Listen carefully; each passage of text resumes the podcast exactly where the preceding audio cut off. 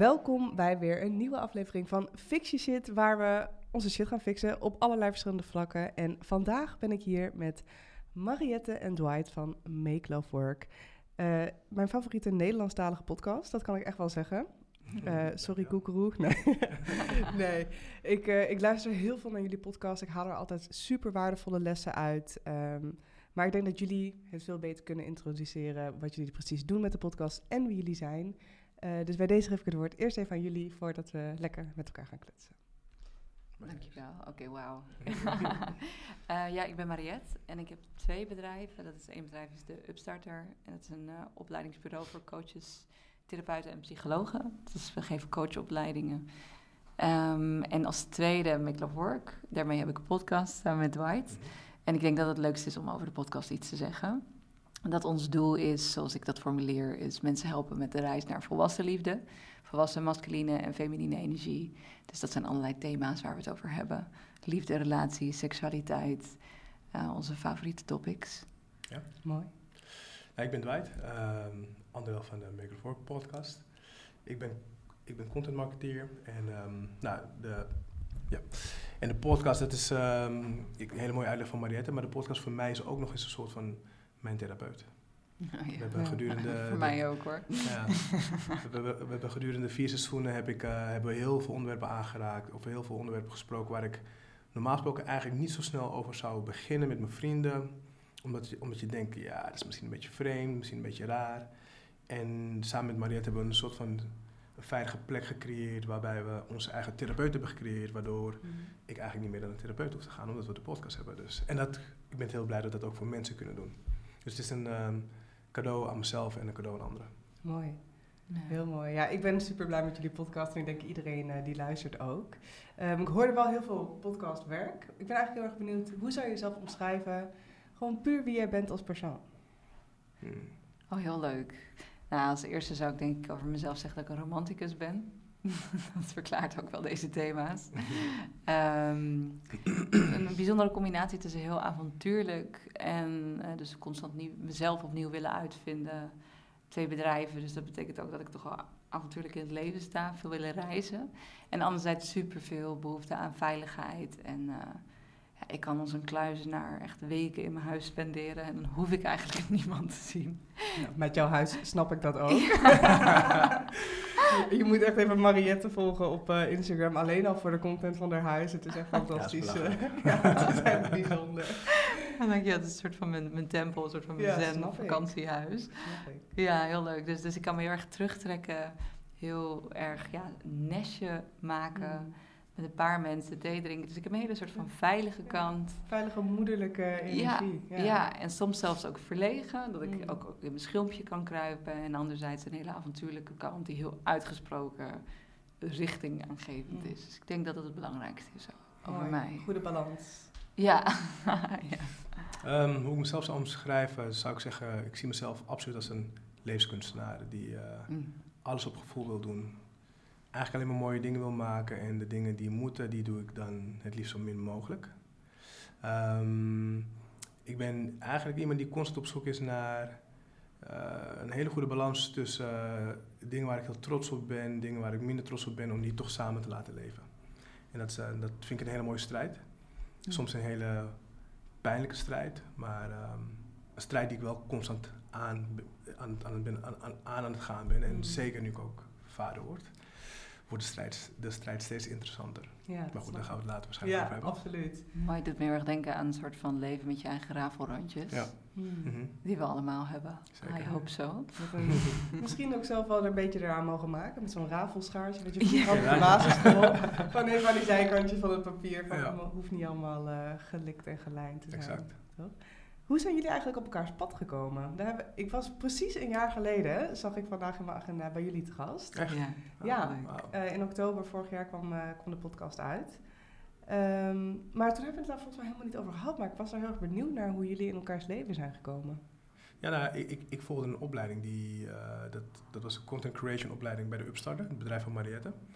En um, ik ben ook via via weer bij Mariette terechtgekomen. Iemand, een vriendin van me was heel positief over de opleiding die Mariette gaf. En toen dacht ik, ah, dit is wat ik op dit moment zoek, want ik wil een andere richting inslaan.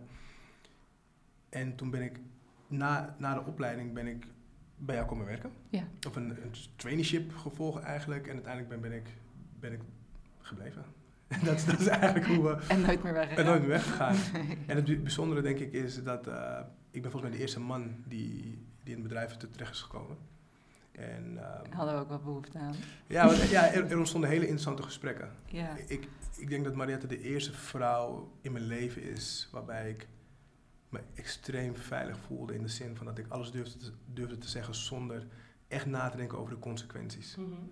En dat, ja, dat, ik kende dat niet echt. Want meestal dacht ik van, oké, als ik dit zeg, dan word ik zo gezien of afgerekend daarop. En dat, en dat was er niet.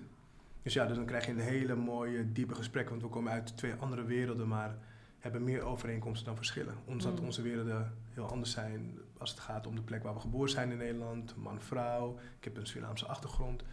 En toch hadden we heel veel raakvlak van, we zijn allebei extreem nieuwsgierig naar elkaar, naar het leven. En dat was een soort van perfecte match. Mooi. Ja. En Ja. zo is eh Make Love Work ontstaan, Ja. deze podcast. Waar komt de naam vandaan? Hoe zijn jullie daar opgekomen? Die heb jij bedacht, hè? Ja. Ja. ik had een soort rebranding sessie met mezelf gedaan. Waarbij ik gewoon dacht, oké, wat in één zin, wat is nou eigenlijk de kern van wat ik doe? En toen dacht ik, ja, eigenlijk wil ik liefde laten werken. En toen kwamen de, de woorden make, love, work. En wat ik daar mooi aan vind, is dat je ze ook los van elkaar kan zien. Want het gaat ook over make, create. En net als Dwight zo mooi zei, dat ik voel me ook een levenskunstenaar. Dus het gaat ook over creëren, over artiestschap, kunstenaarschap, levenskunstenaarschap. Love, over liefhebben. En work, eh, voor mij over bijdragen aan iets groters dan jezelf. Ehm, dus dat zijn drie hele belangrijke waarden. En uiteindelijk, ja, is Make Love Work vooral dat Dwight en ik vinden van, nou, laat liefde voor je werken. Ja. Dus niet werk voor de liefde, want dat is wat we vaak doen. Maar laat het voor je werken. Dus probeer goed te luisteren. Waar beweegt het me naartoe? Ben ik nu iets aan het forceren wat eigenlijk gewoon mag sterven? Mhm. Ehm, of ben ik iets aan het blokkeren wat heel graag wil, wil zijn? Mhm. Ja. Ehm, dus dat is ja. het belangrijkste ervan, Ja, het, is een naam, het is een naam in mijn optiek. Het, het, het, het pakt alles wat ik voel. Het pakt alles bijna in het leven wat ik, wat ik, wat ik voel. Dus toen ik de naam hoorde, dacht ik van... ah, maar dit, het kan ook niks anders zijn dan dit. Nee, je had hem En- meteen geadopteerd. Ja, gelijk. heel blij. En het, het- ik, ik merk het ook in de aflevering die we maken. Het maakt niet uit waarover het gaat. De naam klopt nog steeds. Mhm. Dus daardoor weet je dat het echt een naam is die heel goed bij de podcast past. Die heel goed bij ons past. Dus het was in één keer raak. Geen discussie. Dit is wat we gaan doen. Ja, tof. Ja. Wat ik ook zo gaaf vind aan jullie podcast is dat alles er kan. Ja. Jullie, jullie hebben zoveel diverse gasten, man, vrouw, etniciteit, maakt allemaal helemaal niet uit. Alles is welkom voor mijn gevoel bij jullie. Dat vind ik altijd heel erg mooi om te zien in de podcast. En ja, hoe open jullie zijn, dat is echt. We hebben zelfs een vrouw gehad in een Ja. transitie. Ja? Ja, en, eh, met eh Born. ehm, geboren als vrouw en nu non-binair. Hmm. Dus eh, echt iedereen is welkom. Ja, mooi. Ja. Is er op het gebied van de liefde iets op dit moment bij jullie wat, ja, make love work, laat liefde werken, waar nog aan gewerkt moet worden? Ja, constant. constant. Ik denk dat het iets is wat nooit is, is uitgespeeld. Ehm, nou, ik, ik, ik word vader in december. En dat is voor mij een hele lange reis geweest. Ik ben 38 en ik ben gegaan van, oh, ik wil absoluut geen kinderen naar... Ik wil niet over negen maanden, maar nu een kind. Mhm. Door middel van een ooievaar. Dus dat ik hem nu heb. En dat, dat, dat, die, die, reis is, is, is, een, is een liefdesreis geweest. Een liefdesreis naar mezelf, naar mijn moeder, naar mijn vader. Maar het is een reis die nog steeds gaande is. ehm, wat, nog, wat nog, nog steeds aandacht vereist. We waren net even aan het praten over... ehm, we hebben hier wat kaarten op tafel liggen en ik trok een kaart. En daar stond vrij symbool over eh, hetgeen waar ik nu nog aan werk. En waar ik waarschijnlijk aan, aan zal moeten blijven werken. En dat is mijn nieuwe rol als, als man en als vader en als minnaar. Van oké, ik ga waarschijnlijk iets verliezen wat ik heel leuk vond. Ik ga iets Mhm. krijgen wat, ik, eh, wat heel rijk is. Maar ja, daar ga, ik me, daar ga ik mijn weg in moeten vinden. Dus ik denk dat dat absoluut in de liefde eh, iets is waar ik aan zal blijven werken. En wat heel spannend is, wat ik spannend vind. Mooi. Ja. Ja, mooie reis, toch? Eigenlijk die je Het is een prachtige maken. reis, ja zeker. Ja. Het, is, het is zeker een prachtige reis. Want het is, ehm, het is een hele onbekende reis, ondanks dat elke seconde wordt er een kind geboren en we zien het Mhm. constant om ons heen. Maar op het moment dat je zo middenin zit, dan lijkt het alsof je de enige bent. Voor mij voelt het alsof ik de enige op aarde ben die dit meemaakt. Omdat het zo natuurlijk zo uniek is. Ja. Het is, het is je persoonlijke ervaring, hoe je, ehm, hoe je zo'n zo'n reis beleeft. En ja, ik heb absoluut mijn angst. Ik sprak afgelopen eh, middag met mijn zus. Mijn zus was 24 toen zij een kind kreeg. En ik zei tegen haar, ze zei van ja, jij gaat het zo anders doen omdat je al 14 jaar ouder bent dan ik. Je hebt bij mij kunnen afkijken. Je hebt andere gesprekken gevoerd met onze ouders. Dus ik ben, ze zei ook van, ik ben eigenlijk een beetje met mijn kinderen opgegroeid in het, in het ouder zijn. Mhm. En jij hebt een klein beetje kunnen afkijken, waardoor je bepaalde fouten waarschijnlijk niet zou maken die ik heb gemaakt. Dus dat geeft me heel veel zelfvertrouwen. Tegelijkertijd denk ik ook van ja, ik heb ook wel 14 jaar minder ervaring dan jij. Ja, ja, natuurlijk. Dus het is, het is, eh, het is, het is heel paradoxaal. Maar Maar die ervaring komt natuurlijk met de eh, tijd. Dat komt met de tijd. Ja. Dat komt met de tijd. Maar ik, ik, ben, ik ben ook gewoon bang dat ik... Mijn, mijn grootste angst is als je mij zou vragen, in de, in de, als het gaat om liefde tussen mij en mijn, en mijn dochter, ik krijg een meisje, Mhm. is dat we elkaar niet begrijpen. En dat, is, dat was mijn grootste pijn met mijn ouders, dat ik me niet Ja. begrepen voelde. Ik dacht, oké, maar stel nou dat exact hetzelfde gebeurt. Want ik denk van, nee, mijn kind mag alles zijn wie ze wil zijn en het maakt niet uit hoe ze is. Maar stel, dat is nou vaak hoe het leven werkt. Het leven gaat je altijd aangenaam en Mhm. ona- onaangenaam verrassen. En dan krijg je een kind wat zo ver van je afstaat, omdat het gewoon onbekend voor je is. En dan weet je niet zo goed hoe je daarmee moet omgaan. Dus dan ga je vanuit jouw referentiekader ga je proberen een connectie aan te gaan met je kind. Mhm. Maar je kind vraagt heel wat anders. Ja, wat dan? Dus dat is, dat is een angst in de liefde die, eh, die ergens toch sluimert. Terwijl ik tegelijkertijd het meest zelfzeker ben over dit als Mhm. met alles in mijn leven. Dus Ja. het is een heel vreemd gevoel. Ik Ja. snap het, want als er iemand is die in ieder perspectief zichzelf kan verplaatsen, openstaat voor iedereen, dan ben jij het wel. Ja, En tegelijkertijd snap ik dat je toch die angst Ja. hebt voor jezelf, Ja. voor je dochter. Jij en je Zeker. dochter. Ja, ik denk dat dit echt de grootste uitdaging is van het onbekende. Mhm. Want je krijgt een kind en Ja. natuurlijk heb je een soort van energetische connectie al ermee. En ja, je weet dat het komt, maar totdat het er is. Het en dan is. heeft het ook haar eigen wil Ja. en eh, ja, karakter wat dadelijk gaat Ja. ontstaan. Super mooi. ja. Ja, ze gaat Ja. je sowieso onaangenaam verrassen en we weten nog niet op welke 100%. manier. En aangenaam, gelukkig. Ja. Ja. Is, jouw, eh, is jouw kijk op liefde, relaties, seks, geluk echt belangrijke topics in jullie podcast veranderd sinds dat je wist dat je vader ging worden? Ehm, nee, het, het is meer dat het is gegroeid do- door de podcast. Onder andere heb ik kunnen groeien naar dit punt. Dus het is, Mm. het is in de loop der jaren veranderd. Maar niet, door, niet per se door mijn vaderschap. Maar ik Mhm. denk dat ik de podcast, hoe gek het ook klinkt, nodig had om tot dit punt te komen. Dus het is een hele organische reis Ja. geweest. Door echt heel bewust bepaalde gesprekken aan te gaan. Met mijn ouders bijvoorbeeld. Maar ook omdat ik ging twijfelen of ik misschien wel bindingsangst had Mhm. heb ik een therapeut aangesproken om erachter te komen dat ik geen bindingsangst had. Maar dat kwam omdat, omdat ik met Mariette in gesprek ging. Ja, hoe komt dat ik zo kieskeurig ben? Ben ik te kieskeurig of vind ik... Ik vond dat iedereen zo kieskeurig zou moeten zijn. Maar als iedereen tegen je zegt, Ja. je bent te kieskeurig, dan ga je denken, nou, dan ligt het misschien wel aan mij. Ja. Dus dan ga ik dubbelchecken. En, en ik denk dat de aflevering die we hebben gemaakt, de gesprekken die ik privé met, met, met Mariette voer, die, die hebben echt bijgedragen aan, aan dit punt. Dus het is voor mij bijna een soort van film. En dit is Mm. dan Mhm. climax, maar tegelijkertijd ook weer een begin. ja. Ja, Ja. Voor mij voelt het ook zo. Klaar dat, voor deel 2, zeg Ja. maar. Ja. Ja, ja. Ja. Dat, die, die komt er volgens mij voor ons beiden wel aan, deel Ja. 2. Maar eh, het voelt ook voor mij dat de podcast en onze gesprekken, Mhm. zowel on mic als, als off mic, hebben bijgedragen aan onze eigen groei naar Mhm. volwassen liefde. En dat jij een bepaald soort van ja, vertrouwen in jezelf hebt ontwikkeld en een, en een mooie balans tussen wat wij dan de minnaar en de beschermer noemen. Mhm. Eh, en daarin vertrouwen van oké, dus ze zijn nu zo op elkaar afgestemd Ja. dat ik me klaar voel om ook vader te worden. ja, precies. En ehm, ja, dat, is, dat voelt heel mooi dat, Ja. dat Make Love Work eigenlijk de podcast ons beiden heeft laten doen groeien naar volwassenheid. Mhm. En jou dan naar het punt van vaderschap en settelen. Mhm. En Dwight was altijd de eeuwige single in de podcast die Ja. nooit wilde ja, settelen en altijd de kritische vragen had. Nee maar, Mhm. nee, maar dan zou ik weg zijn gegaan. Nee, dan moet je Mhm. opstappen. En ik was altijd degene met een, met een langdurige relatie, een relatie van vijf jaar. En eh, ja, daarin gingen dingen goed en daarin hadden we struggles. En de Mhm. struggles van de relatie besprak ik. En die relatie Ja. is vorig jaar verbroken. Ik vond jouw relatie met, samen met Dion en Dwight ook, of eh, de, de podcast, zo De mooi. aflevering, ja. Oh, Deze die aflevering. Van Closure. Ja, Ja. Oh, thanks. ja, nee, dat was echt... ehm, ja, je- kan, zeg maar, als je je podcast volgt, dan weet je waar jullie doorheen gaan als Mhm. personen. Maar omdat ik jullie ook in het echt heb gezien en heb ontmoet al eerder... Het was alsof ik erbij zat en dat ik dacht, wow, ik heb nog nooit een zo'n intiem gesprek gehoord tussen twee personen. Zo volwassen en open en eerlijk over deze topics. Mhm. En ik wil eigenlijk dezelfde vraag aan jou stellen van, eh, ja, jij bent nu als single het datingleven aan het verkennen. Hoe eh, is dat voor jou en waarschijnlijk op een hele andere manier bij Dwight, maar je kijk op liefde, relaties, seks en geluk verandert sinds dat die closure er is gekomen? Ja, enorm. Die, sinds de closure voel ik dat ik ook echt opensta voor een, eh, voor een nieuwe liefde.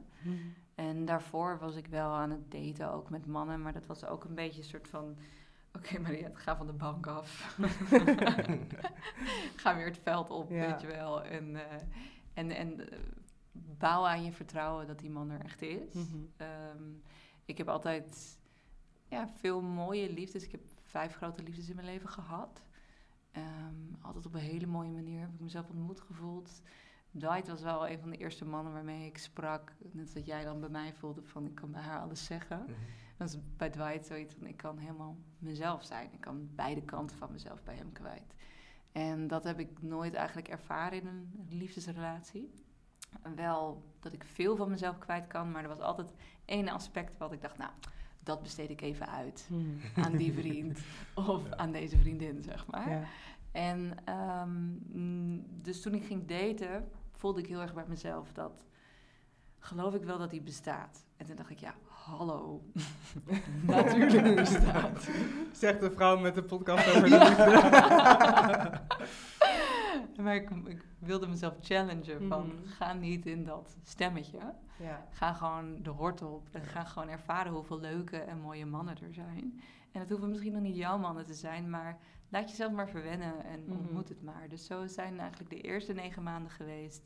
En toen had ik eigenlijk dat moment van closure met, met Dion. Er zijn heel veel fases waarin je, als je liefdesverdriet hebt, afscheid neemt van een partner.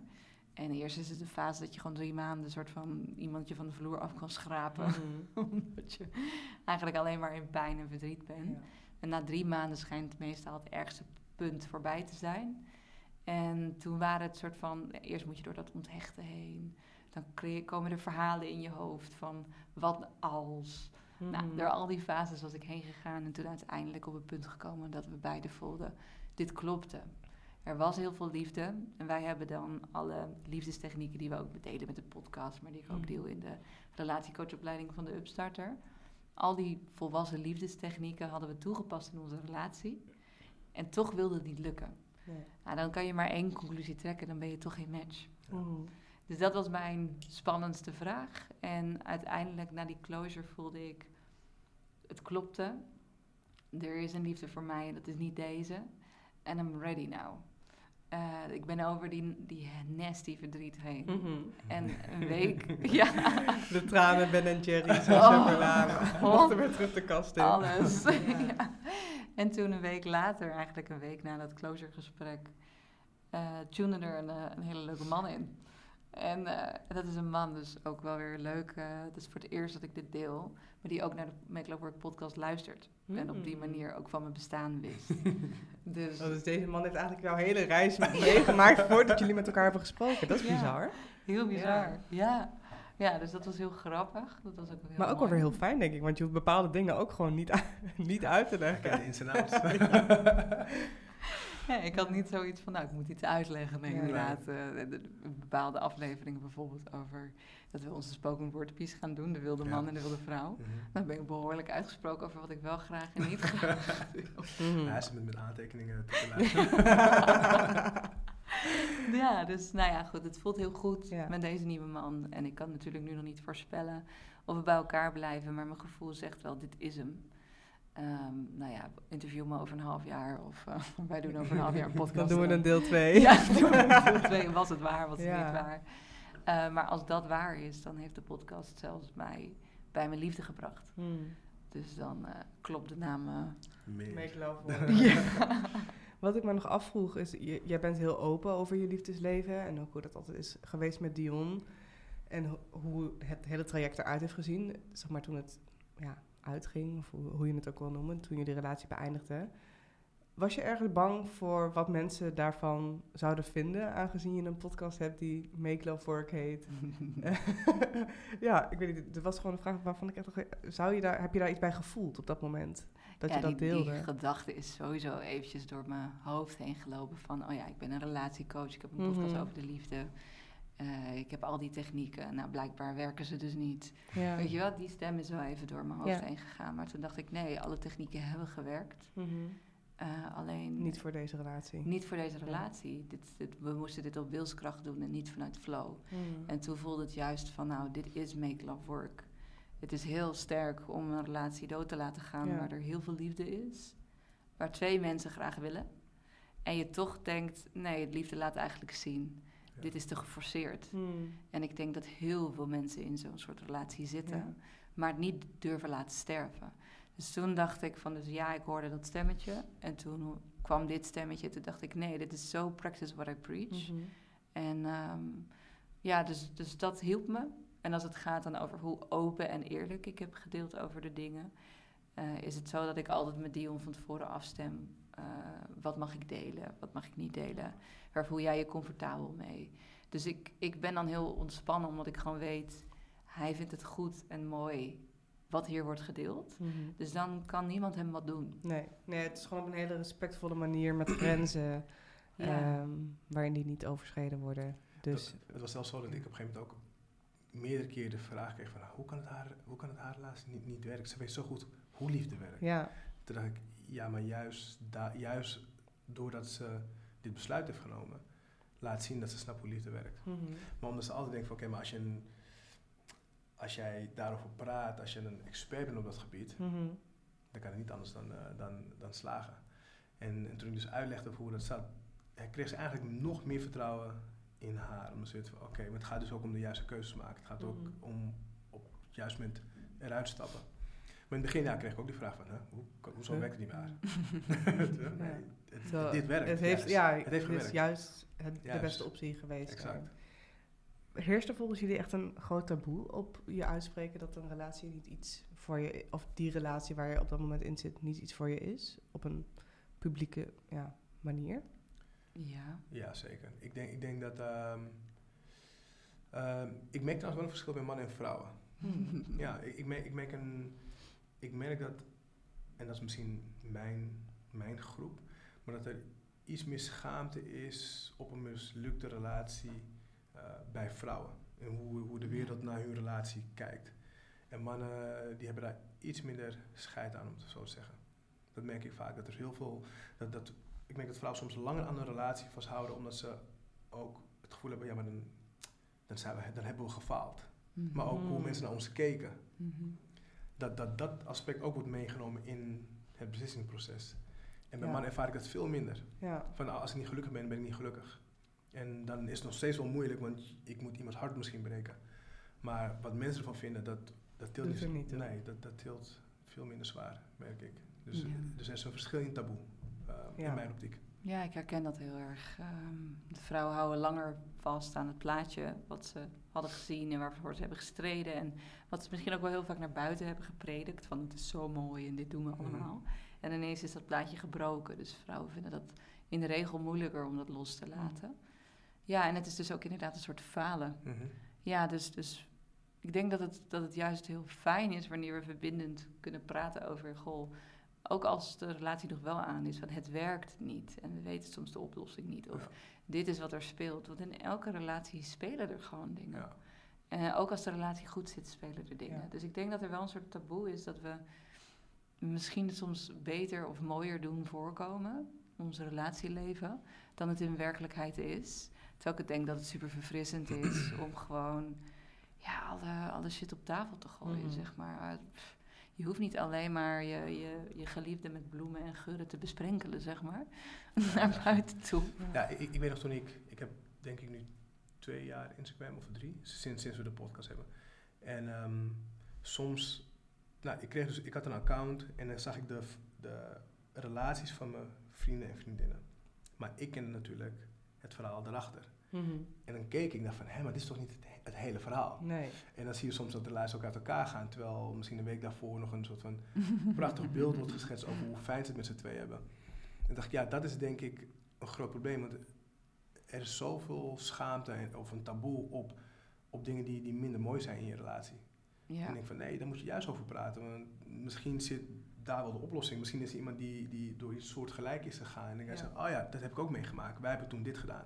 Maar als je dat allemaal voor jezelf houdt, omdat je denkt dat je de enige bent die hier doorheen gaat, of omdat je je schaamt, ja, dan krop je het op, los je het misschien helemaal niet op en dan is er een, oké schat, ik trek het niet meer, we moeten uit elkaar. Ja. En ik van, wow. Wat is hier gebeurd? Ja. Ja. Dus, dus En dat hoeft natuurlijk helemaal niet per se via, via de socials, maar, Nee, maar gewoon in je, je persoonlijke ja, in je persoonlijke connectie maar, maar met dus mensen. de, de social, dat was, voor, dat was voor mij wel een, een dat, was, dat, wel, dat was voor mij wel een indicatie over hoe, hoe heel veel relaties zijn.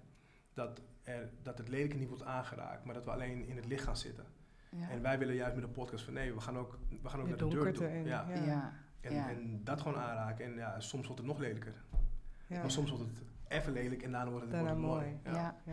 Ja, dat vind ik altijd mooi. Je hebt het altijd over bitterzoet. Mhm. We hebben het over de rafelranden. Dus dat is denk ik iets wat- wij creëren in de dynamiek. Ja. En ook wel iets waar ik mijn ex Dion ook voor wil bedanken. Dat hij altijd dat lelijke, dat het er altijd zo van hem mocht zijn. En dat we ook gedurende dat we de podcast opnamen, eh Dwight en ik, altijd eerlijk zijn geweest over, oh ja, dit is nu de struggle. Ja.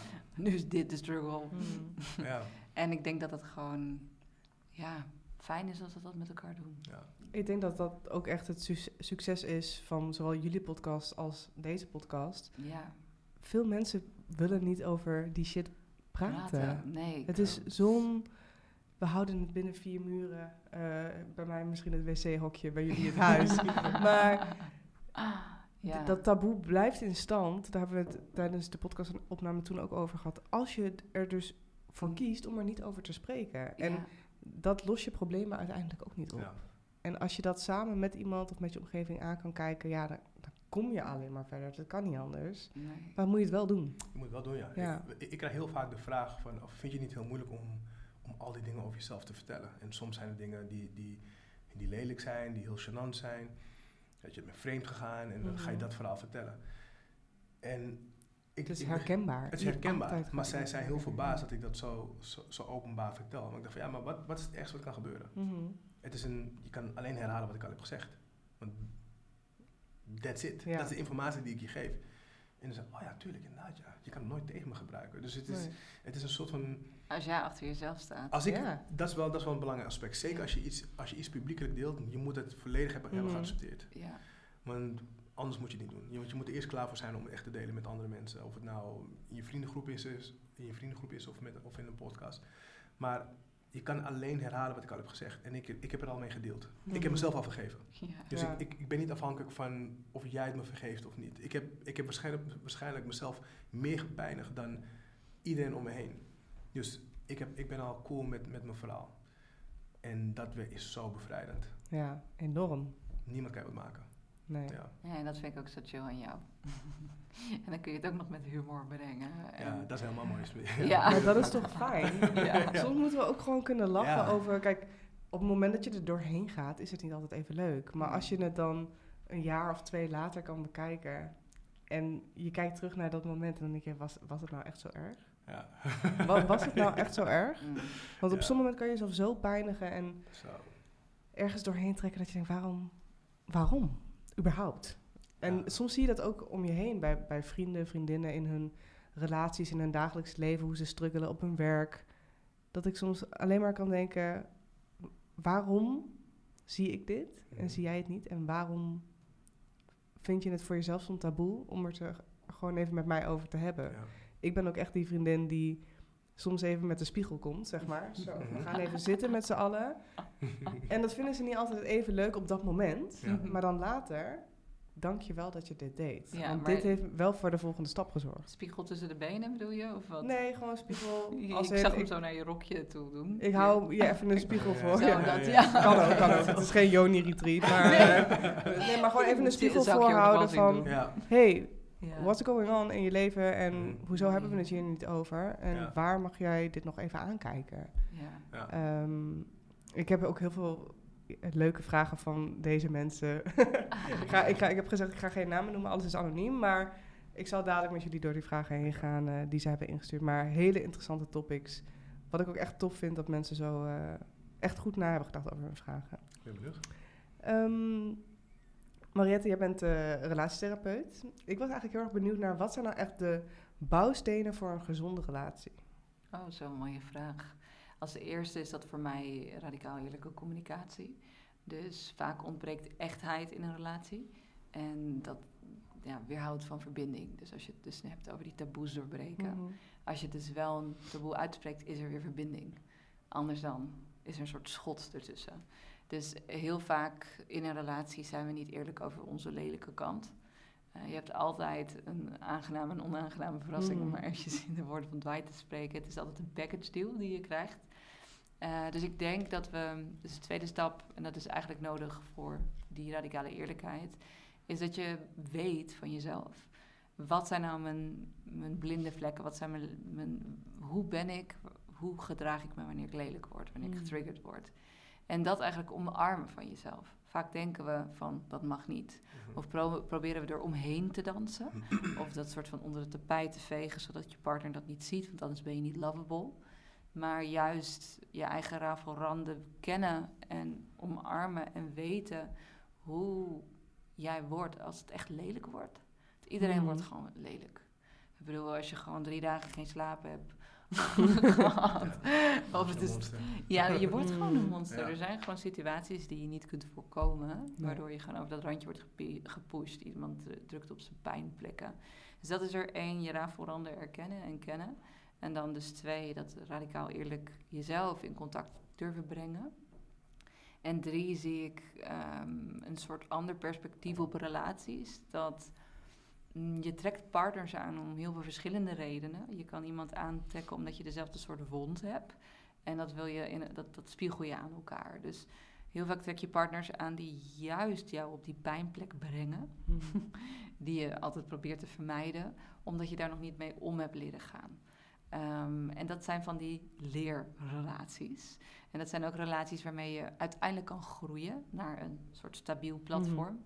En dat betekent niet dat triggers weg zijn, want die zijn er altijd. Maar ik denk dat iedereen wel begrijpt wat een leerrelatie mhm. is. Dat je gewoon even wat dingen met elkaar moet uitbettelen. Ja. Dus je kunt je partner aantrekken op dat, die wonden. Hoe herken je zo'n leerrelatie? Her Kan je die snel herkennen? Ja, je herkent hem wel omdat er een bepaald dramagehalte zit erin. Mm. Wordt ook soms wel een toxische relatie genoemd. Maar je hebt fases die heel toxisch kunnen zijn. Ja.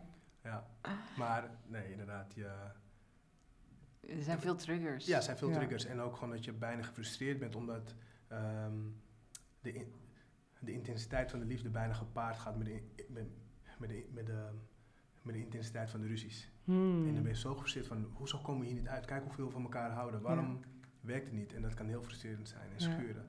Maar en het dan toch maar weer proberen. Ja. En, weer, en ja, die fase, ik herken dat wel bij, uh, bij mensen. Ja. Dus dat vind ik het derde punt, dat je nieuw perspectief ontwikkelt op mhm. relaties. En omdat dit aspect, dat iemand jou richting je pijn stuurt, uh, dat het altijd in meer of mindere mate onderdeel zal zijn van een relatie. Dus je hebt dan die relaties waarbij dat vooral een thema is. Nou, dan ben je blij mhm. dat je die, die hoofdstukken hebt gehad, zeg maar. Volgens mij herken je het. Hmm. Eh, maar het zal altijd een onderdeel blijven. En wat ik het mooie daarvan vind, is in plaats van dat je dat ziet als: oké, dit is lelijk, dit is lastig, dit moeten we niet hebben. Dat je er naar kijkt van: hé, hey, oké, we zitten met elkaar in een ruimte. En we eigenlijk doen dat doekje omhoog of dat kleedje omhoog. Dus dat meest lelijke wondje wat daar zit. Mhm. En laten we dan kijken of we daar op een andere manier op kunnen reageren. Of laten we in ieder geval accepteren van elkaar dat we dat hebben. En dat vind ik dan een helende relatie. Dus het is een soort helend perspectief van de liefde hoeft niet altijd gemakkelijk en leuk te zijn. Ehm, leer ook houden van, dat, van die wonden. En leer anders omgaan met die wonden. Door onder andere verbindende communicatie. Dus dat is een eentje. Dus eerlijke communicatie, maar ook verbindende. En het tweede aspect is dat je dus juist, vierde, dat het dus wel gemakkelijk mag zijn. lekker, lekker ingewikkeld. Ik ben daar voorstander van. Ja, ja, ja, ja. Nee, triggers voorkom je niet. Maar als je als triggers er niet mogen zijn, en dat pijnlijke en het Mhm. rafelige, en je gaat je er tegen verzetten, dan wordt het een hele onveilige situatie in een relatie. Hmm. Terwijl je ook een veilige ruimte kan creëren waarin het er wel mag zijn. En je elkaar eigenlijk soort van bedankt. Dankjewel dat ik dit mag uitspelen met jou. Mm. Dankjewel dat ik hier mag groeien met jou. En dan is het een cadeau. Dan is het niet iets van wat jullie minder maakt, maar wat jullie krachtiger maakt. Hmm. En het tweede is juist heel erg dat gemak. Dus Ja. hey, dingen mogen wel flowen, dingen mogen vanzelf gaan. En dan zit je, ja, het leven mag ons openen voor het leven. Er mag veel levenslust zijn. Eh, dus ik geloof zelf, dus derde punt is vooral veiligheid. Tweede punt zit ook meer op het avontuur. Erotiek vind ik dus essentieel onderdeel van een relatie. Dus dat zou voor mij het vierde punt zijn. Maar dat haakt een beetje aan deze. Want erotiek heeft afstand nodig. Hmm. En ehm, dat je eigenlijk alle twee op je eigen plek kan staan. Je kunt fysieke afstand creëren in een relatie, dat helpt natuurlijk ook altijd. Ehm, maar dat je ehm, alle twee nog enigszins je eigen leven hebt, je eigen dingen doet. Want op het moment dat er afstand is of dat de ander tegenovergesteld is aan jou, dat Mhm. creëert ook afstand. Of dat je omarmt dat het leven altijd verandert. En dat je verandering en dus avontuur in je leven omarmt. Dat creëert ook al afstand. Dus dat is wat ik bedoel met Mm, afstand. En ja. in principe is dat de zuurstof waardoor het vuur brandt. En dat maakt dat je een erotisch leven hebt. En ik denk dat erotiek is voor mij heel belangrijk. Omdat je ook in seksualiteit eigenlijk... Net als je lichaam liegt gewoon niet. Seks liegt ook niet. Op het moment dat het minder gaat met de seks... dan weet je dat er iets in je relatie speelt. Ja. Mhm. En het kan zijn dat je weer bij regel nummer 1 komt. Dat de naakte waarheid en de radicale eerlijkheid, dat dat er te weinig mag zijn. Eh, dus dan kan de seksualiteit ook minder zijn. Maar het kan ook dat je dus ehm, het lelijke eh, niet helemaal omarmt. Dus Mhm. dat je het soms, als de seksualiteit niet stroomt, moet je ook heel eventjes door moeilijke fasen heen. Mhm.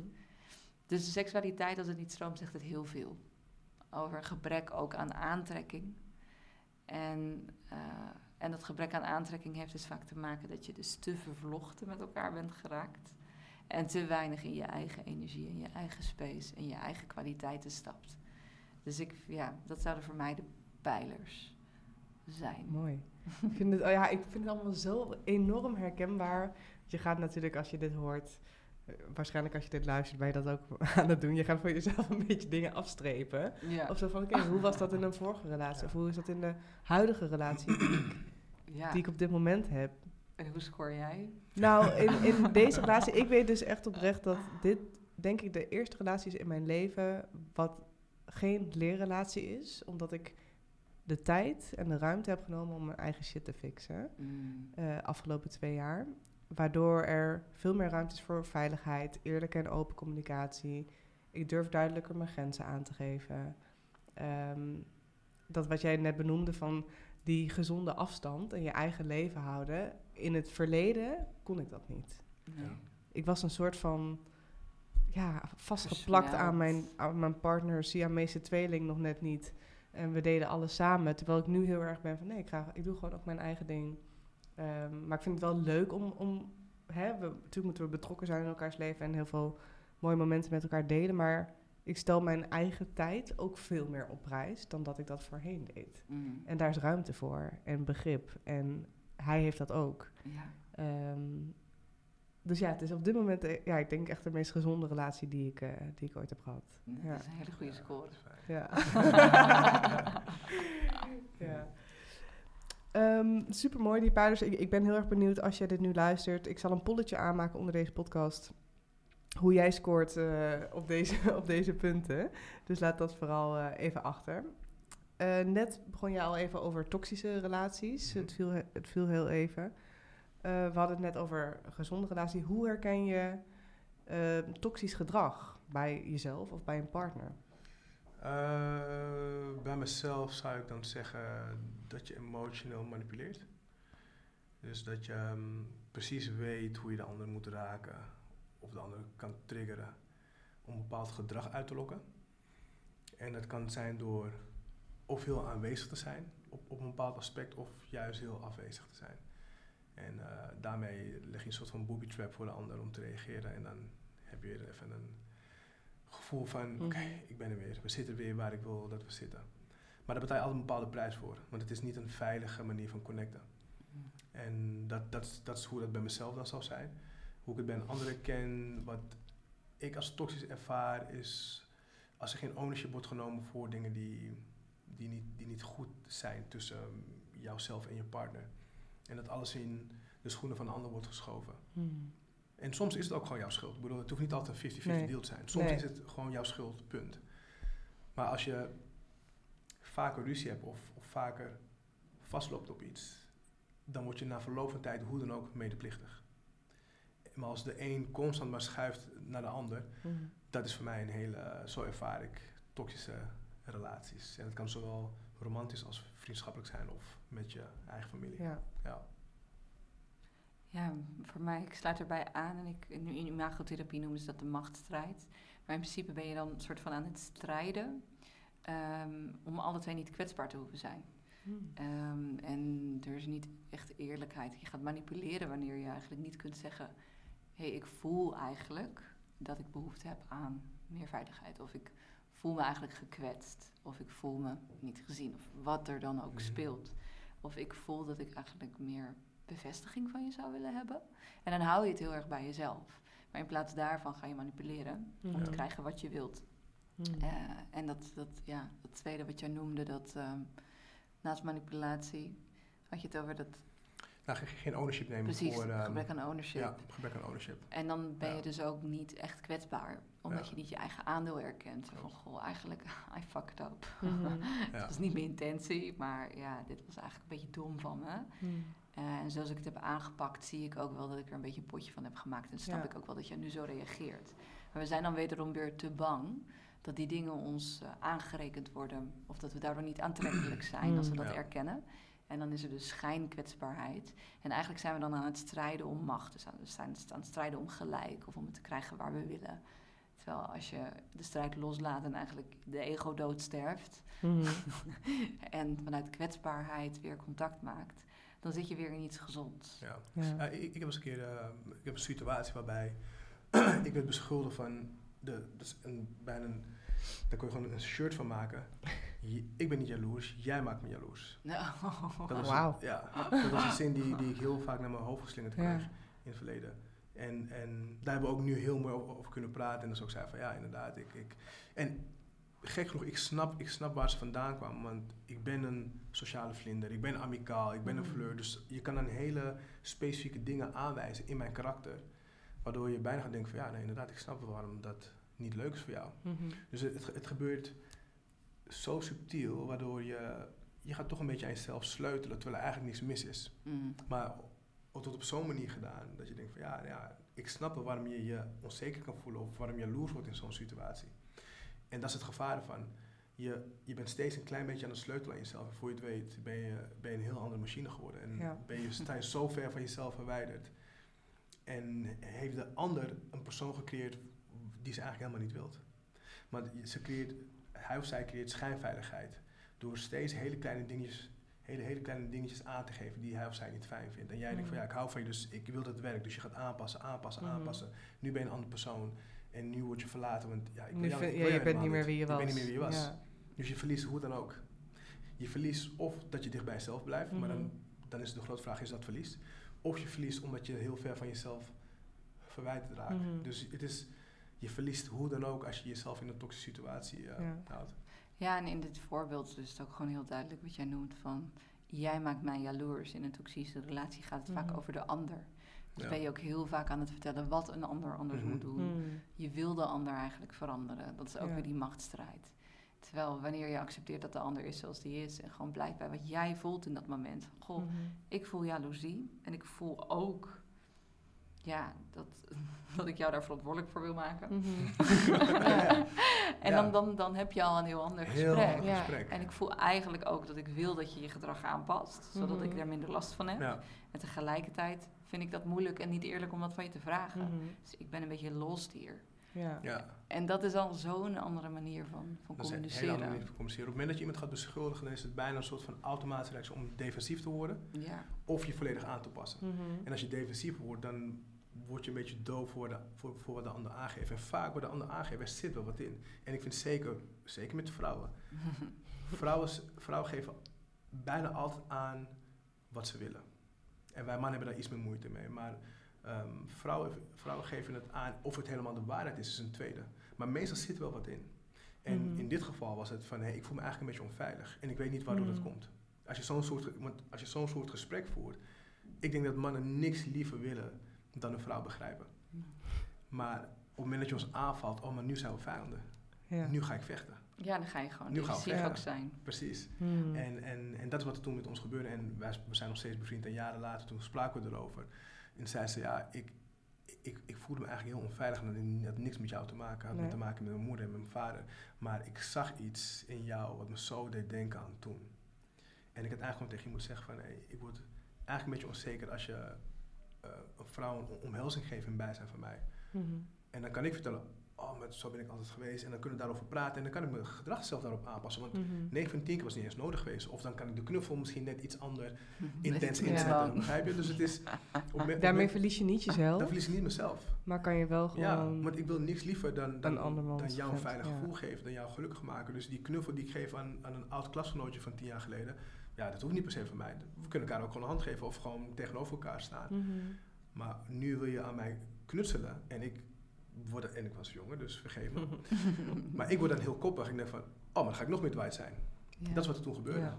Dus er ontstond nog meer onveiligheid. Ja, dat is gewoon de ander willen veranderen. Ja. En als je gewoon aangeeft, dit zijn mijn behoeftes, ik voel dit, kan je daar iets mee? Dan kan de ander, dan kun je ook ontdekken van, is er verandering mogelijk zonder verlies van jezelf? Ja. Want het kan ook zijn dat je zoiets hebt, nee, het hoort bij mij om gewoon Mhm. vrouwen te kunnen knuffelen als ik ergens een, een café binnenloop. Mhm. En dat is voor mij toch een no-go om dat niet meer te doen. Mhm. Dat kan, hè? Dat is ook gewoon fair. Natuurlijk, Ja. absoluut. En dan als dat voor haar een dealbreaker is, ja, dan, dan weet je ook genoeg. Nou, dan had het nooit gewerkt. Nee, Nee, en ja. dat is dus het mooie. Kijk, op het moment dat je die machtsstrijd achterlaat, kijk, wanneer je iemand aanvalt met een wapen, jij doet dit, Mhm. dan, dan Mhm. trekt die ander ook een wapen. Ja. Dus a- als je gewoon unarmed komt, dus uiteindelijk moet een van de twee de stap nemen om die wapens los te Ja. laten. Ja. En uit de strijd te stappen en gewoon te communiceren, dit is wat ik voel en dit is eigenlijk waar ik- wat ik nodig heb. Mhm. En dan kan je gaan praten over condities. Ja. Mooi. Ik denk dat dat een hele gezonde, volwassen manier is om, eh, om daarmee om te gaan. Maar ik denk dat we ook heel bang zijn om dat te doen, omdat we bang zijn elkaar te verliezen. Mhm. Stel dat je je condities uitspreekt en je vindt elkaar niet, maar je bent wel zo gehecht aan elkaar. Mhm. Dus daarom durven we ook niet vaak eerlijk te zijn over wat we wezenlijk verlangen of nodig hebben. Ja. Wil je wat drinken? Ik heb hier wat water. Ja. Thanks. Sorry trouwens als jullie net allemaal gedril op de achtergrond hoorden. Ehm, ze zijn hier achter bezig op de, bouw- op de bouwplaats. Thanks. Ineens schoot er wat in mijn keel, dat heb ik vaker. Dankjewel. Ik, eh, ik hoorde jou zeggen, Mariette, in een podcast. ehm, dit is niet waar, maar ik ervaar dat dat een manier was eh, waarop jij, eh, volgens mij samen met Dion, eh, af en toe even een momentje nam om te renten tegen elkaar. Waarbij je vooraf eigenlijk al afsprak van eh, eh, alles wat ik nu ga zeggen is niet wat het is. Ja. Maar ik wil het toch even zeggen en dan is het eruit. Ja. Ehm, hoe, hoe is dat in het leven gekomen? Het is eigenlijk in mijn vorige relatie ontstaan met Jos. En het heeft ermee te maken dat, en ik denk dat dit vooral voor vrouwelijke luisteraars herkenbaar is, maar ook voor mannen. Kijk, als vrouw voel je gewoon veel dingen, eh, maar die gevoelens zijn niet altijd rationeel te verklaren. Maar je voelt ze wel. En je voelt dingen en soms denk je, ja, dit is toch eigenlijk oneerlijk om dit te voelen. Of het is Mhm. toch oneerlijk om dit van je te verlangen. Maar eigenlijk voel ik dat ik dit wil. Eh, en dat, dat vind ik iets moois, want wanneer je gewoon je gevoelens helemaal kan omarmen zoals ze zijn, dan verliezen ze de grip. En dat is de, ja, een soort van zo is dat zinnetje in het leven geroepen. Dat we het eigenlijk hadden over, oké, alles wat ik nu ga zeggen is niet waar, maar ik voel het wel. ja. Dus neem het alsjeblieft niet serieus. En dan kun je vrijheid spreken. En anders ben je eigenlijk bezig met het onderdrukken van die gevoelens. Mhm. Ontkennen dat je dat wil. Ik denk dat we allemaal wel terug kunnen gaan naar momenten in onze relaties dat we gewoon voelden dat we iets wilden vragen van onze partner. Wat je eigenlijk niet mag vragen van iemand. Mhm. Maar je, je voelt wel dat je dat Ja. wil. Ja, en dan is het er toch maar uit. En dan kun je daarna gewoon lachen om de belachelijkheid ervan. Want eigenlijk in die onder, onderstroom van de relatie, dat, dat gevoelsniveau wat niet altijd wordt uitgesproken, heb je het al lang gevoeld. Heb je al lang je partner naar je zien kijken op een bepaalde manier waarvan je het voelde. Hmm. What is going on? ja. En bij mij worden dat ook wel energy bumps genoemd. Dat ik gewoon, ik schijn een hele sterke energie te hebben. dus, ik heb wel eens meegemaakt in mijn relaties dat die mannen dan gewoon bijna bevroren van, van schrik. Mm. Weet je wel, dan was ik een hele mooie uitgebreide maaltijd aan het koken. Was hij nog aan het werk, nog aan het bellen, druk dingen aan het doen. Dus ik zou aan het kijken. Ik, zei, ik was langzaam al de woorden aan het opmaken. Nog één keer kijken. Oké, gaat hij nu nog een call doen of niet? Ja, hij pakte nog een kool erbij. Nou, oké. ik kan nog iets dan een extra gerechtje maken wat ik dan er weer naast zet. Oké, nou dan Blijf nog... deze. Ja, ja, ja. Dus ik zou kijken, nog een kool. Nou, toen kreeg ik toch een energetische sneer. ik sta hier gewoon drie kwartier voor je te koken en jij gaat nog een keer bellen? Mm. Maar ben je intimiderend of is hij geïntimideerd? Dat is dan ook de vraag, hè? En toen merkte ik dat hij hem voelde. en, uh, en, toen uh, had hij binnen twee seconden opgehangen. Sorry, ik bel je later terug. hij zag van die oogjes van de, van de andere kant van de ruimte. Uh. Het was een vuur branden, geloof ik. Ja, dus in de onderstroom voel je al lang wat iemand eigenlijk van je wil. Ja, maar wat niet uitgesproken is. Dus het is toch fijn om het uit te spreken. Ik vond wel dat ik in mijn recht stond om uh, onze aandacht op te eisen. Maar ja, god, dat doe je niet wanneer iemand aan de telefoon hangt. het, is, het, is, soms zelfs fijn om, als je iets in een onderstroom voelt, om niet te wachten op het moment dat degene het uitspreekt, maar degene zelf uit te nodigen. Mhm. Ik kan wel wachten tot, tot het moment daar is, maar dat moment zal hoe dan ook komen. En, ehm, en het is misschien nog wel fijner voor je partner om zelf wel te beginnen daarover. Van nee, ik voel iets. Um, ik weet niet wat het is, maar laten we mhm. als bij een priester in, in zo'n zo, zo, zo, zo biechtkamer, laten we vrij uitspreken. ja. Geen consequenties. Ja, dat hè? Ja. Dat is echt fijn. Ik kan bijvoorbeeld nog wel een sterke wil hebben en dingen er doorheen willen duwen. Mhm. En dan weet ik dat het gewoon unfair is van mezelf om dat allemaal te eisen of te willen. Mhm. Maar mijn energie is al daar. dus het wordt al gevoeld. Je hebt het, het niet, wordt al gevoeld. uit te spreken. ja. ik, ik, ik, ik, had het laatst met mijn vriendin. Ik had... Um, ik denk dat, dat meerdere mannen dit hebben. En, dat, en zeker ook nu de, de reis waar ik, waar ik zit met het krijgen van een kind. Soms voel ik, en dat is heel gek, maar soms voel ik zo'n sterke behoefte om heel onverantwoordelijk te zijn om, om, om scheid te hebben aan alles en mm. iedereen. En het is zoiets simpels als... Um, ik heb op donderdag heb ik een zaalvoetbalwedstrijd met, uh, met mijn vrienden. Ik zeg van, ik, ik, ik, ik noem wat. De beste is om van 8 tot 9, ik, ik ben rond half tien thuis. Om dan gewoon later thuis te komen. En Even rebelleren. Ja, in mijn hoofd denk ik van, ja, ik, ik, kom gewoon, ik kom thuis wanneer ik thuis kom. In mijn hoofd gebeurt dat. Ik ben gewoon om half tien, tien uur thuis. Maar dan denk ik van, oh, wow, soms voel ik gewoon in die, die, die drang om... Mm om gewoon heel rebels te zijn. Ik dacht, oh, wat is dat? En dus ik ging met haar bespreken en toen zei ik van, ja, maar Dwight, ik ken je tien jaar. Ik weet dat dat. En ze ziet het, dus ze ziet momenten dat dat, dat, dat, er is en dat ik misschien ook een beetje zo van mee struggle. En, en dat ik er misschien niet eens bewust van ben dat ik er moeite mee heb. Maar laatst was ik er bewust van, oh ja, wow, soms komt het gewoon omhoog. Dan wil, ik, wil ik geen verantwoordelijkheden hebben. En dat is het mooie van zeggen, dit is niet waar. Ja. Mhm. Want op een dieper niveau is het niet waar. Het is niet op een dieper niveau wil je verantwoordelijk Exact. Mhm. Maar op een oppervlakteniveau is het waar. En dat Precies, soms heb je zo'n opwelling van, ja. oh, ik scheid aan alles. Ja. Ik wil gewoon even wat ja, ja, Ik wil gewoon geen rekening houden. Ik, wil, gewoon niet op tijd. Ja. En dat is, het is niet waar, maar je voelt het wel. Ja, mhm. ja. en, en het, het uitspreken alleen al, dat het gewoon bespreken, ja. dat is alles. Want je hoeft het niet te praktiseren. Je hoeft niet te zeggen, oké, ik ben om 12 uur thuiskomen, nu ben ik weer rustig. Maar de consequenties vind je bij lange na niet waard. Maar je wilt het wel uitspreken. En wat, wat daarmee gebeurt, is dat je partner je beter begrijpt van, oh, als, er een keer, als hij een keer een uitschieter heeft, ik hou van feesten. Dus als ik een mhm. keer naar een feest ga en naar een after en veel slaat thuis kom, dan zeg je, ja, maar dat is Dwight. In plaats van me constant maar gedragen zoals... Je zei dat je dan om half... ja, precies. Maar dan is het een soort van vreemd gedrag. En nu ziet ze al, oh ja, soms moet ik hem gewoon even laten gaan. En dat is oké. En, en dat creëert bij mij heel veel veiligheid. Van oké, chill, ik kan gewoon mezelf zijn. Ja. En dat is het mooie van... die... het belangrijkste ook, toch? In ja. relatie. Ja, dat is het mooie ook van taboes dan. Je eigen taboes in verbinding mhm. brengen. Want dan kan de ander er ook op reageren. En dus Mhm. gewoon aangeven, nou eigenlijk vind ik het niet erg als je af en toe een uitschieter hebt. Maar jij kan het taboe van jezelf niet accepteren, dus jij moet daar om half tien Mm. zijn. Ja. En dan wordt het vanuit wilskracht forceren. Grote kans dat je elke keer om tien uur of later thuis bent, zeg Ja. maar. Eh, Ja. Terwijl wanneer je het hebt uitgesproken en je de vrijheid krijgt.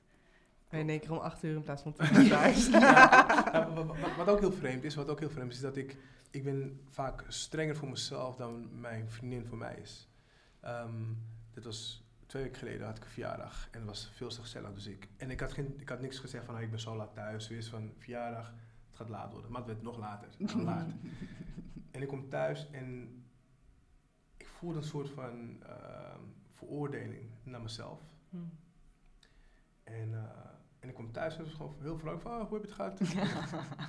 En ik was bijna wantrouwig. Want ik dacht van, oké, je doet nu chill en straks hebben we het gesprek. En er was niks aan de hand. En ik dacht, oh ja, ik ben voor mezelf. Omdat ik Mm. dat dus in mijn hoofd heb, ben ik voor mezelf soms zo streng in mijn hoofd. Waardoor ik denk dat zij dat ook is. Dan zei ik van, nee ja, doe. Schiet, schiet uit. Je, en- Super en dat eh, ja. en dat, en dat is denk ik het mooiste wat je in een partner kan vinden. Uh, in mijn optiek is iemand die niks aan je wilt veranderen. Maar die wel aangeeft, dit vind ik niet chill. Mhm. Ja. Die niks aan jou wil veranderen, maar, wel, maar ook niks aan zichzelf wil veranderen. Nee. Maar wel meedansen met, met, met Mhm. wat de relatie op dat moment vraagt. Want je hoeft niet een statisch iets te zijn. Nee. Het kan nog steeds heel dynamisch zijn. En de Maar- grens kan soms ook meebuigen, denk ja, ik. absoluut. Ja. Dat is gewoon de En dat, is, dat is voor mij het grootste cadeau wat, wat zij me geeft. Want ik vind mezelf gewoon niet een hele makkelijke man. Maar tegelijkertijd vind ik mezelf de, De, liefste man. man. Ja. Ja. Maar het, is, het zijn de, Twee gezichten. die twee gezichten. Ja. Een beetje balanceren. Ja. Ja, en dat stukje, ehm, zeg maar, wat, wat ik dan hoor bij jou, van eigenlijk een soort van angst om tekort te schieten. Mhm. Bij vrouwen is het vaak een angst om te veel te zijn. Hm. En vrouwen die gaan vaak in een, in een manipulatieve hoek op het moment dat ze bang zijn om te veel te zijn. Dus wij als vrouw hebben ook een beeld van hoe we zouden moeten zijn. Ehm, als we daar niet eerlijk over zijn, en dat zie ik echt als de schaduw van de vrouw waar we het vaak, die we gewoon niet vaak van onszelf doorhebben. Ehm, ja, dan, dan gaan wij ook heel erg manipuleren in relaties. En dan gaan we ook dingen van een man vragen. ehm, op een soort energetisch battle niveau. Dat een man eigenlijk niet, niet anders kan dan eruit willen stappen. Hm. Dus ik zie ook dat, dat en dat zie ik ook vaak in het, in het ouderschap. Dus op het moment dat, dat er gezinnen komen, dat vrouwen dan zo'n perfectionistisch beeld hebben van hoe dat gezin gedraaid moet worden. Dat de man eigenlijk bijna niet anders dan kan dan een soort escape inzetten. En dan maar gewoon lijfelijk aanwezig zijn. Maar gewoon emotioneel en mentaal totaal uitgecheckt. Ja. Want dat freeze, is- Ja. dat is de enige vrijheid die hij dan heeft. Ja. Terwijl wanneer de vrouw gewoon zegt van oké, het is gewoon misschien totaal irrationeel, maar zo wil ik het. Dit wil ik allemaal voor de kinderen. Ja. En dan vervolgens op een dieper niveau komen van oké, ja, dat is eigenlijk helemaal niet nodig. Mhm. Zullen we dan gewoon maar lachen om mijn soort van moederterror Momentje. momentjes? Ja. Ja, dus daarin zit denk ik ook een belangrijk ding dat het niet alleen bij mannen is dat ze hun schaduwkanten omarmen van hé, hey, we willen vrij zijn en wilde dingen doen. Mhm. Maar dat vrouwen ook hun, ja, ik noem het verstikkende kant en hun perfectionistische kant, Mhm. dat we dat ook erkennen. Ja. En, ehm, en dat die er mag zijn, ik noem dat het monster van de vrouw, maar dat, dat een man daar wel heel hard op mag lachen. Ja, maar het is ook gewoon soms komisch. Want we, ja. soms wikkelen we onszelf ook helemaal in een soort van doek dat je ook bijna denkt, oh, wat heb ik mezelf aangedaan. Dat gewoon. Ja. Het moet allemaal zo perfect, Ja. die plaatjes. Dus we moeten echt als vrouwen in staat zijn om die plaatjes te Ja. laten breken. En soms ook even vanuit een soort van helikopterview naar jezelf te kijken van, wat ben ik nou eigenlijk aan het doen? Waarom ben ik al die ballen aan het hoog houden? Waar moet ook het ontbijt er netjes uitzien? Hier heb je een boterham met Ja. nagelslag. Succes. Ehm, hoe houden jullie, eh, de, behouden jullie de magie in relaties? Nou, daar zijn we alle twee wel van, ja, de magie. dat was ook een van ons, dat was de eerste aflevering, dat ging ook daarover van onze podcast. Ja. Omdat we dat beide blijkbaar heel belangrijk vinden. Mhm. Nou, voor, mij is het denk ik, ehm, en dat hebben we hebben enigszins besproken, doe, doe absoluut dingen samen en zorg dat de, kwaliteit van wat je samen doet van extreem hoog niveau is. Maar doe ook dingen die totaal los van elkaar zijn. En ik denk dat als je, als je daar een, goede balans in weet te vinden, dan, behoud, dan je magie. Blijf elke week daten. Ik vind dat, ik heb toen ik, het voelt misschien een beetje als een trauma, maar we gaan terug nou, toen ik 15 was. Mijn vriendinnetje toen zei, vond me toen saai, want ik mocht niet zoveel van moeder. Ik kwam uit de pijp en het was druk op straat en moeder is heel overbezorgd. Mhm. Dus ik mocht alleen in de wijk blijven. En mijn vriendin die mocht veel verder. Dus zij vond mij toen saai. Nou, dat, heb ik, dat ben ik nooit meer vergeten. Ik heb toen ook de afspraak met mezelf gemaakt. Niemand gaat ooit nog een keer over, mezelf, over mij zeggen dat ik saai ben. Dus daarom heb ik nu ook voor mezelf geregeld. We gaan minimaal, minimaal één keer in de week gaan we daten. Of het nou een bioscoopje is, film, musea, whatever. Maar we gaan wat doen buiten onze gebruikelijke omgeving. En dat soort dingen helpen heel erg. En dat je elkaar blijft verrassen. Dat je er goed uit blijft zien. Dat je lekker blijft ruiken. Het, het klinkt heel basic, maar het is Echt je best doen voor echt elkaar. je best doen voor elkaar. Ja. En ik zie dat toch in veel relaties dat mensen op een gegeven moment denken... oké, de buiten is binnen, we gaan achteroverleunen en we houden van elkaar. Dus het komt wel goed. Mhm.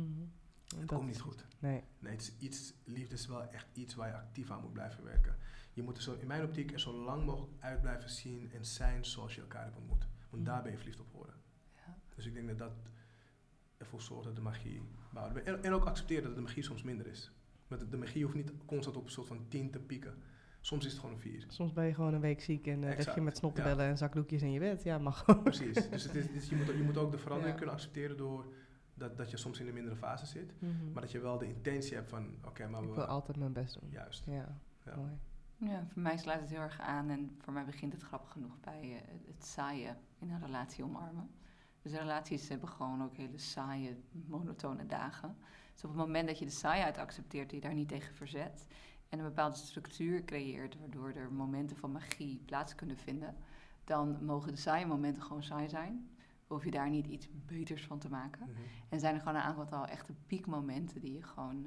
Ja, je, het gaat echt om het vrijmaken van ruimte. Dus zo'n date elke week bijvoorbeeld, dat werkt. Met mijn eh, nieuwe lover heb ik nu het ritueel dat we één keer per week in bad gaan en dat we een lange badsessie Mhm. hebben. En we zijn nu in de verliefde fase, dus er is bijna elke dag een bad. Maar is, dat is iets wat wel makkelijk te doen Ja. is. En ook simpele dingen als af en toe een reis plannen. Eh, maar magie vind ik ook. Want wat is magie eigenlijk, hè? Dat is ook wel weer een interessante vraag. Wat is magie? Maar voor mij is magie dat er even een moment is van volledige aandacht. En dat het even boven het dagelijkse uitstijgt. En een groot deel van je leven bestaat gewoon uit de dagelijkse dingen. Ja. Nou, als je de dagelijkse dingen gewoon doet en mag doen, eh, dan is daar een soort rust. En als je dan een paar momenten inbouwt van oké, maar nu gaan we even pieken. Is, er, Mhm. is er een ruimte daarvoor? Ik denk dat het heel mooi is. En het kan ook heel geforceerd voelen van oké, nu hebben we date night. Of sommige mensen hebben zelfs de intimiteitsavond. Van nou moet ik dan nu met je seksen? ja. ja, dus bij sommigen Ja, stroomt het Wednesday, dan eh, hump niet. day. ja. ja, maar ik denk dat als je altijd start bij de emotie en de vibe van dat moment... Ja. En, en daarop vaart en die ruimte geeft... dan turnt hij altijd in iets mooiers en groters. Dus je hoeft het niet te forceren. Ja. Nee. Op het moment dat je je niet voelt van... oh, ik voel me niet in hoge hakken, laag truitje, whatever... dan voel je dat niet. Ja. Maar je kan ook zelfs een avond thuis met popcorn op de bank... Is ook een date night. Ja. Dat is ook een date Zeker. night. Als dat is wat je voelt. En je hebt Mm. gewoon besloten, wij gaan hier alle twee met alle aandacht bij zijn. Mhm. We gaan helemaal voelen wat er nu voelt. Wat er nu tussen in mij leeft, in jou leeft, tussen ons leeft. Dan heb je al magie. Mooi. Ja. Ja. Super mooi. Ik ga eerst naar de vragen van de luisteraars voordat ik straks mijn allerlaatste vraag eh, van mezelf aan jullie eh, ga stellen. Mhm. Mensen, ik ga daar ook even mijn telefoon erbij pakken, want het kan zijn dat er nog wat vragen binnen zijn gekomen. Mm, sommige hebben we al wel wat over gezegd, ik pik er gewoon een paar uit. Iemand vraagt, bestaat er zoiets als de juiste timing? 100 procent. Ja. Daar zijn wij het zo over Ja, eens. absoluut. ik, ik, denk dat, ik denk dat timing misschien nog wel Het belangrijkste belangrijker is liefde dan... Kijk, ik wil niet zeggen dat het belangrijker is dan liefde, maar ik denk dat de, juist, de juiste op- ontmoeten op het verkeerde moment een minder grote kans van slagen heeft dan iemand met wie je goed klikt en fijn voelt, maar het juiste moment, dat dat soms nog wel eerder lukt, omdat het, omdat het beter samenvalt. Want ik, ik heb wel eens dat ik mensen eh, heb ontmoet in het verleden en denk van, onder andere omstandigheden had het, Had het echt kunnen werken tussen ons, ja. maar om een van nu niet. Nee. En, maar ik heb, ook, ik heb ook mensen in mijn leven gehad met wie, met wie ik echt, echt heel intiem ben geweest. Omdat het zo perfect samenviel bij, bij wat mijn hart op dat moment vroeg. Hmm. En dan kan je echt heel, heel iets moois opbouwen. Terwijl het misschien niet, niet helemaal iemand is die echt soort van perfect op je, op, je- op je aansluit, maar je bent er voor mij op, op het juiste moment. En, eh, dus timing is voor mij essentieel met alles in het leven. Ja, ik geloof ook dat iedereen een uniek liefdespad heeft. Dus als je het dan hebt over timing, ja. De zus van Dwight was 24 met haar eerste kind. Mhm. Dat was haar timing. En die klopte. Ja. Als je kijkt naar hoe mooi haar huwelijk is en Mhm. hoe goed ze het moederschap doet. Voor jou is het ja, je eerste kind op 38. Ja. Ja, dat klopt voor Ja. jou, die timing. Dus Hmm. Timing is ook ergens een soort van het lot van jou en je relatiepad accepteren. Zo van, oké, iedereen heeft een pad in de liefde. Je mag ook gewoon erop vertrouwen dat je altijd de juiste partner aantrekt. En dat het of een partner is waar je wat van leert, of een partner waarmee je uiteindelijk gaat settelen. Maar wanneer dat moment is, dat weet je niet. En Ja. soms ga je settelen met iemand als je 24 bent Hmm. en leer je met elkaar heel veel. Maar voor sommige mensen is dat niet zo. Dus ik denk dat dat ook een belangrijke is. En Ja. Nou, m- mijn, huidige, mijn huidige vriendin is een, ons verhaal is een perfect voorbeeld van timing. ja, Want zeker. we kennen elkaar tien jaar, zijn in het verleden samen geweest. Uit elkaar gegaan, omdat het moment niet daar was. We zaten in een hele andere fase in elkaars leven. En uiteindelijk weer bij elkaar gekomen, omdat het nu perfect samenvalt. Dus ons verhaal is eigenlijk een verhaal van timing. Hmm. Dus ik, timing is, eh, is alles. En er is niks moois dan, dan, dan timing. Nee, dat vind ik ook. Ja. Dat is eh, wel prachtig en dat is ook wel weer grappig. Dat, ik heb best wel eens de vraag gekregen, eh, toen ik single was ook, van mijn familie. Van, eh, ja, jij en Dwight, is dat niet wat? En ook podcastluisteraars die me dan berichten sturen van... Mhm. Zouden jij en Dwight niet eh, een relatie moeten Mhm. hebben? Hallo, Ja. obviously, we luisteren al zo lang naar jullie. en eh, ik weet niet of dat voor ons echt had gewerkt. Maar voor ons is de timing er nooit geweest. Is nooit geweest. En er is wel altijd een gevoel van magie en liefde geweest. Dus had gekund dat als de timing voor ons anders zou zijn geweest, dat het wel had gewerkt. Maar als ik nu kijk naar het pad van Dwight en mijn pad, dan voelt het voor mij alsof Dwight geen betere match had kunnen krijgen dan Damla. En dan voelt het voor mij dat met de man waarbij ik nu ben, dat ik ook denk dat had niet beter gekund. Nee. Maar dat Dwight en ik elkaar wel ready hebben gemaakt Hmm. Mhm. voor zo'n match. Ja, Ja. absoluut. Dus dat is dan ook Dat is timing. ja, ook dat is Ja, timing. absoluut. Dus zo Ja, kun je het op heel veel manieren kun je het bekijken. En mag je dus ook gewoon vrede hebben Hmm. van... oh, het loopt zoals het loopt. En misschien is dat gewoon wel precies de bedoeling. Ja. Ja, Ja. mooi. Of En is het gewoon oké, als het niet de bedoeling is. dat- Ja. Maar dat mag ook. ja, Eh, Veel mensen vinden dat denk ik nog wel lastig. Van, oh, het mag, of het mag niet falen, het mag niet kapot, waar we het al eerder over hadden. Het moet allemaal. Ja, of ik heb iemand Ge- gemist, iemand ja. misgelopen. Ja. Ja. Hoe ga je om met trauma uit een vorige relatie ehm, dat opspeelt in een nieuwe relatie? Super mooie vraag. Ja, goede vraag ook. Ja, voor mij is dat dus ook weer datzelfde eh, als, als taboe. In principe is een trauma uit een vorige relatie, kan je ook zoiets van, ja, ik neem, neem mijn shit, om het maar in deze podcast stel te houden. Mijn shit, die neem ik mee naar mijn nieuwe liefde. Ja, ik wil mijn shit eigenlijk niet laten zien. Ja. En eh, ik denk dat het heel belangrijk is om dat dus wel te laten zien.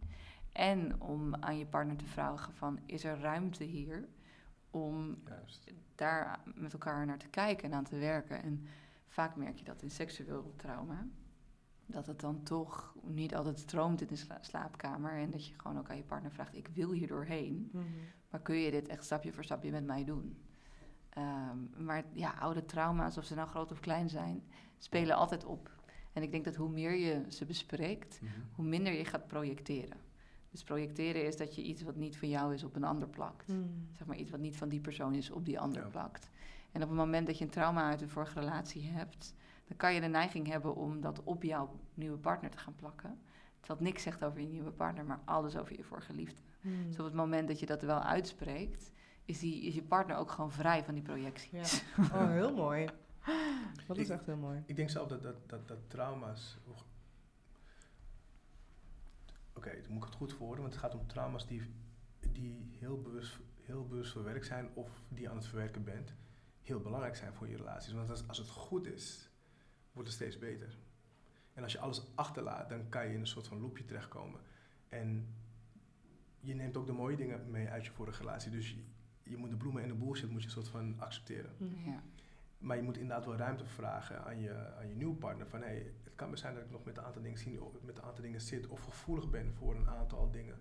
Ehm, wat, wat, wat jij ook heel mooi zei. Daar moet je gewoon ruimte voor vragen. En soms moet je ook gecheckt worden van, hé, hey, dit is niet mijn shit.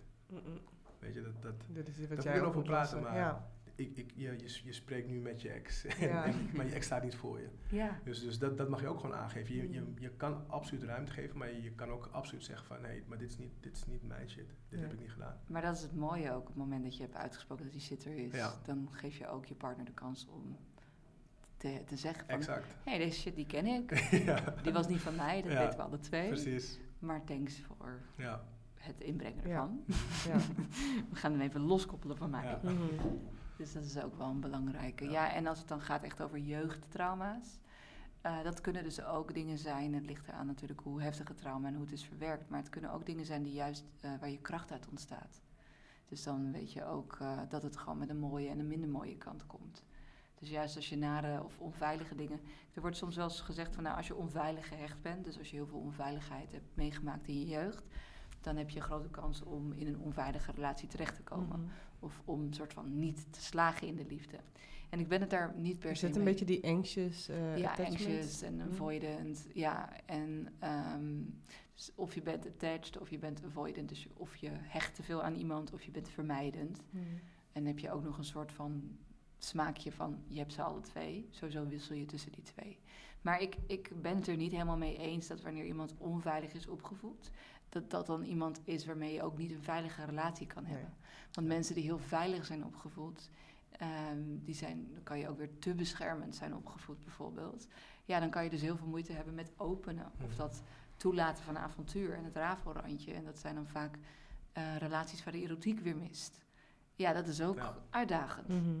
Want het is wel een van die vier pijlers. Dus ik ben het er niet mee eens dat wanneer je heel veel trauma's of onveiligheid in je jeugd hebt meegemaakt, dat je dan per definitie eh, niet geschikt bent of minder kans van slagen hebt. Dus juist wanneer je een onrustige, avontuurlijke, taf jeugd hebt gehad, kan het ook best wel zijn dat je heel veel kracht ontwikkelt. Eh, en heel veel strijdbaarheid en weerbaarheid. Dus ja, dan zal je misschien wel merken aan je partner: hé, hey, hij zit weer in dat onveilige. Ja. De muren zijn omhoog.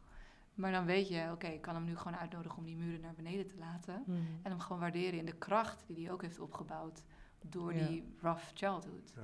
Dus zo kunnen trauma's, vind ik het ook mooi om er naar te kijken. Als het is niet alleen maar iets negatiefs. Nee, en ik denk ook wat, wat ook belangrijk is voor de andere kant. Je hoeft niemand te redden. Soms mag je ook Nee. gewoon uitstappen. Soms moet je ook gaan accepteren, oh, ik kan hier niet mee omgaan. Dit is, dit is, de ander heeft een trauma wat voor mij te zwaar is om te dragen. Of waar ik niet zo goed weet hoe ik ermee moet omgaan.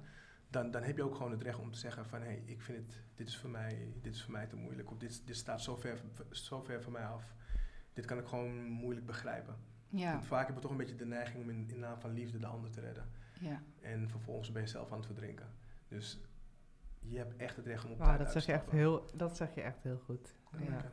Ja, maar dat zie je vaak gebeuren namelijk. Ja. Dat is heel mooi. En dat zijn weer die pijler 3 en 4 waar we het eerder Mhm. over hadden gehad. Dus dat je vanuit 3 dat nieuwe perspectief kijkt van... Oké, dit is uitdagend en lastig, maar van deze shit gaan we mest maken en er komen mooie bloemen uit. Ja. Dus fantastisch dat wij een veilige ruimte creëren waarin de groei mogelijk is en heling. Dat is er één. En twee, dus dat is weer ding nummer vier, het mag ook makkelijk zijn. Ja, dit is gewoon te veel voor me. Ja. En, eh, en dan heb je daar dus ook eerlijk over te zijn. Maar dat is dus het enge van taboes. Een taboe is natuurlijk niet voor niets een taboe. Je bent bang afgewezen te worden erop, dus, je- dus laat je het niet zien. Ja. Maar ja, dan gaat het dus ook weer heel erg over je eigen shit ownen. ja.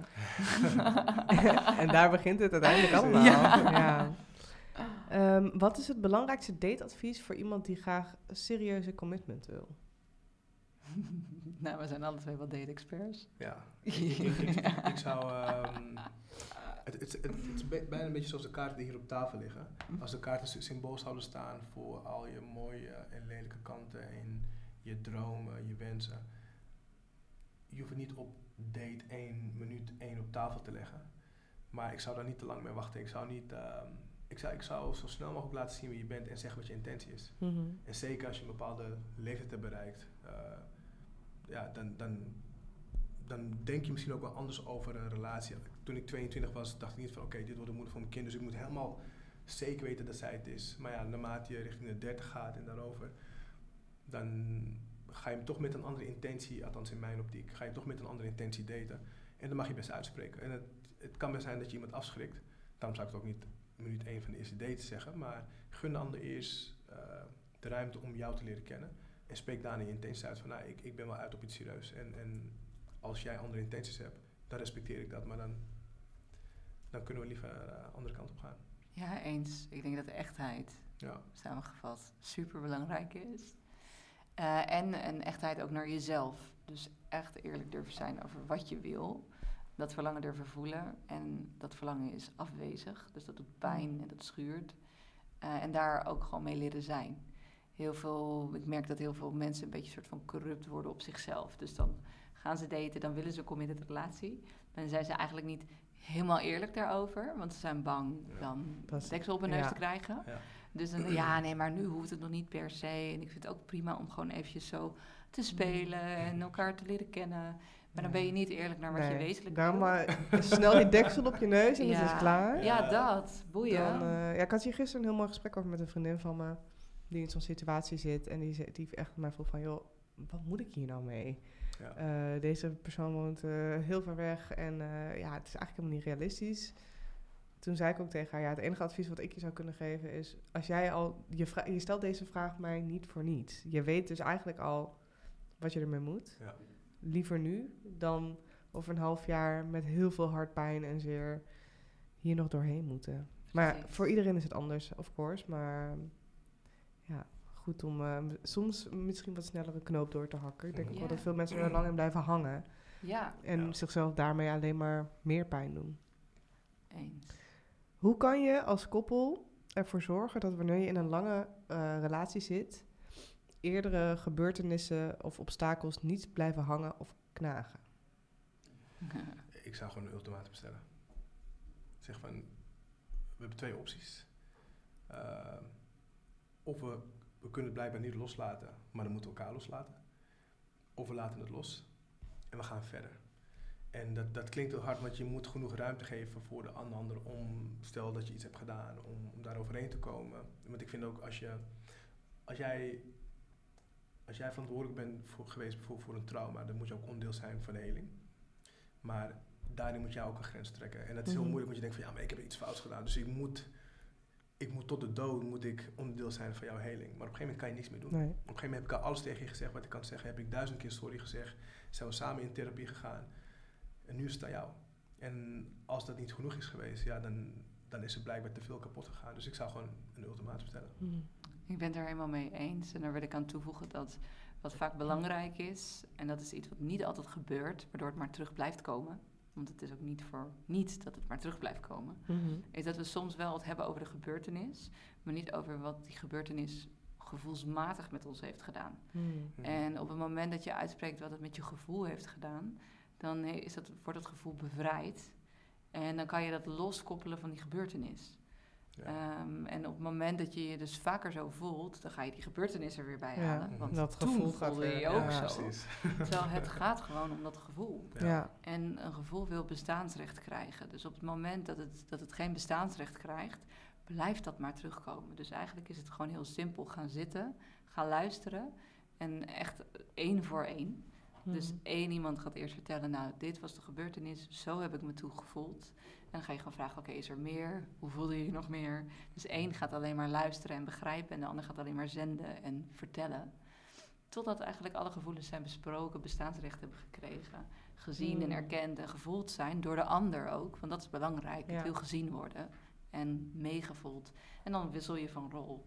Ja, en als het dan daarna nog een issue is, ja, dan uh, doei. Ja, ja. ja. Dat is, ja, dat is gewoon... Soms is gewoon misschien net iets te veel gebeurd of net iets te veel beschadigd om het weer een gezonde relatie te krijgen waar je allebei echt plezier aan hebt. En ja. dat, dat, gebeurt. Dat gebeurt, helaas. En dat is dan heel verdrietig. Ja. Maar dat heb je dan, dat heb je alle twee niet gewild. Dat is niet de intentie geweest. Maar dan is het, het slipt out of your fingers. Ja. Mooi. Hoe laat je de liefde werken? nou, dat is dus voor mij die balans tussen uh, inzet en ontspanning. Ja, dus werken aan en laten werken voor. Ja, ja sluit sluit perfect bij. ja. ja, nee, dat, dat is... Dat is um...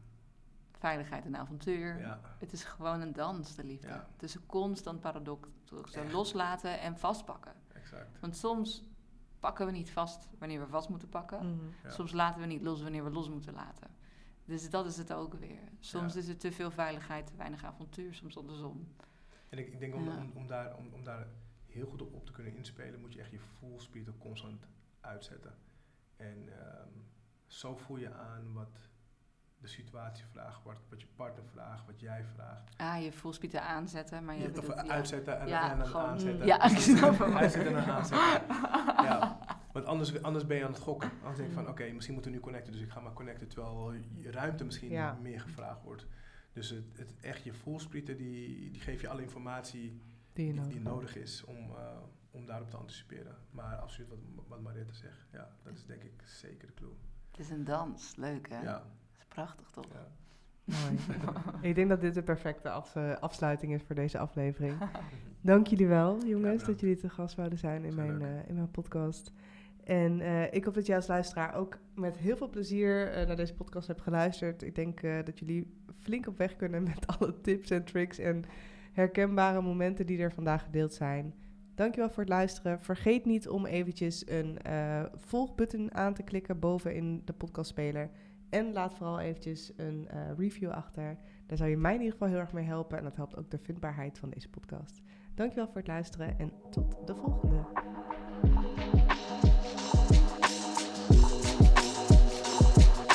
Fix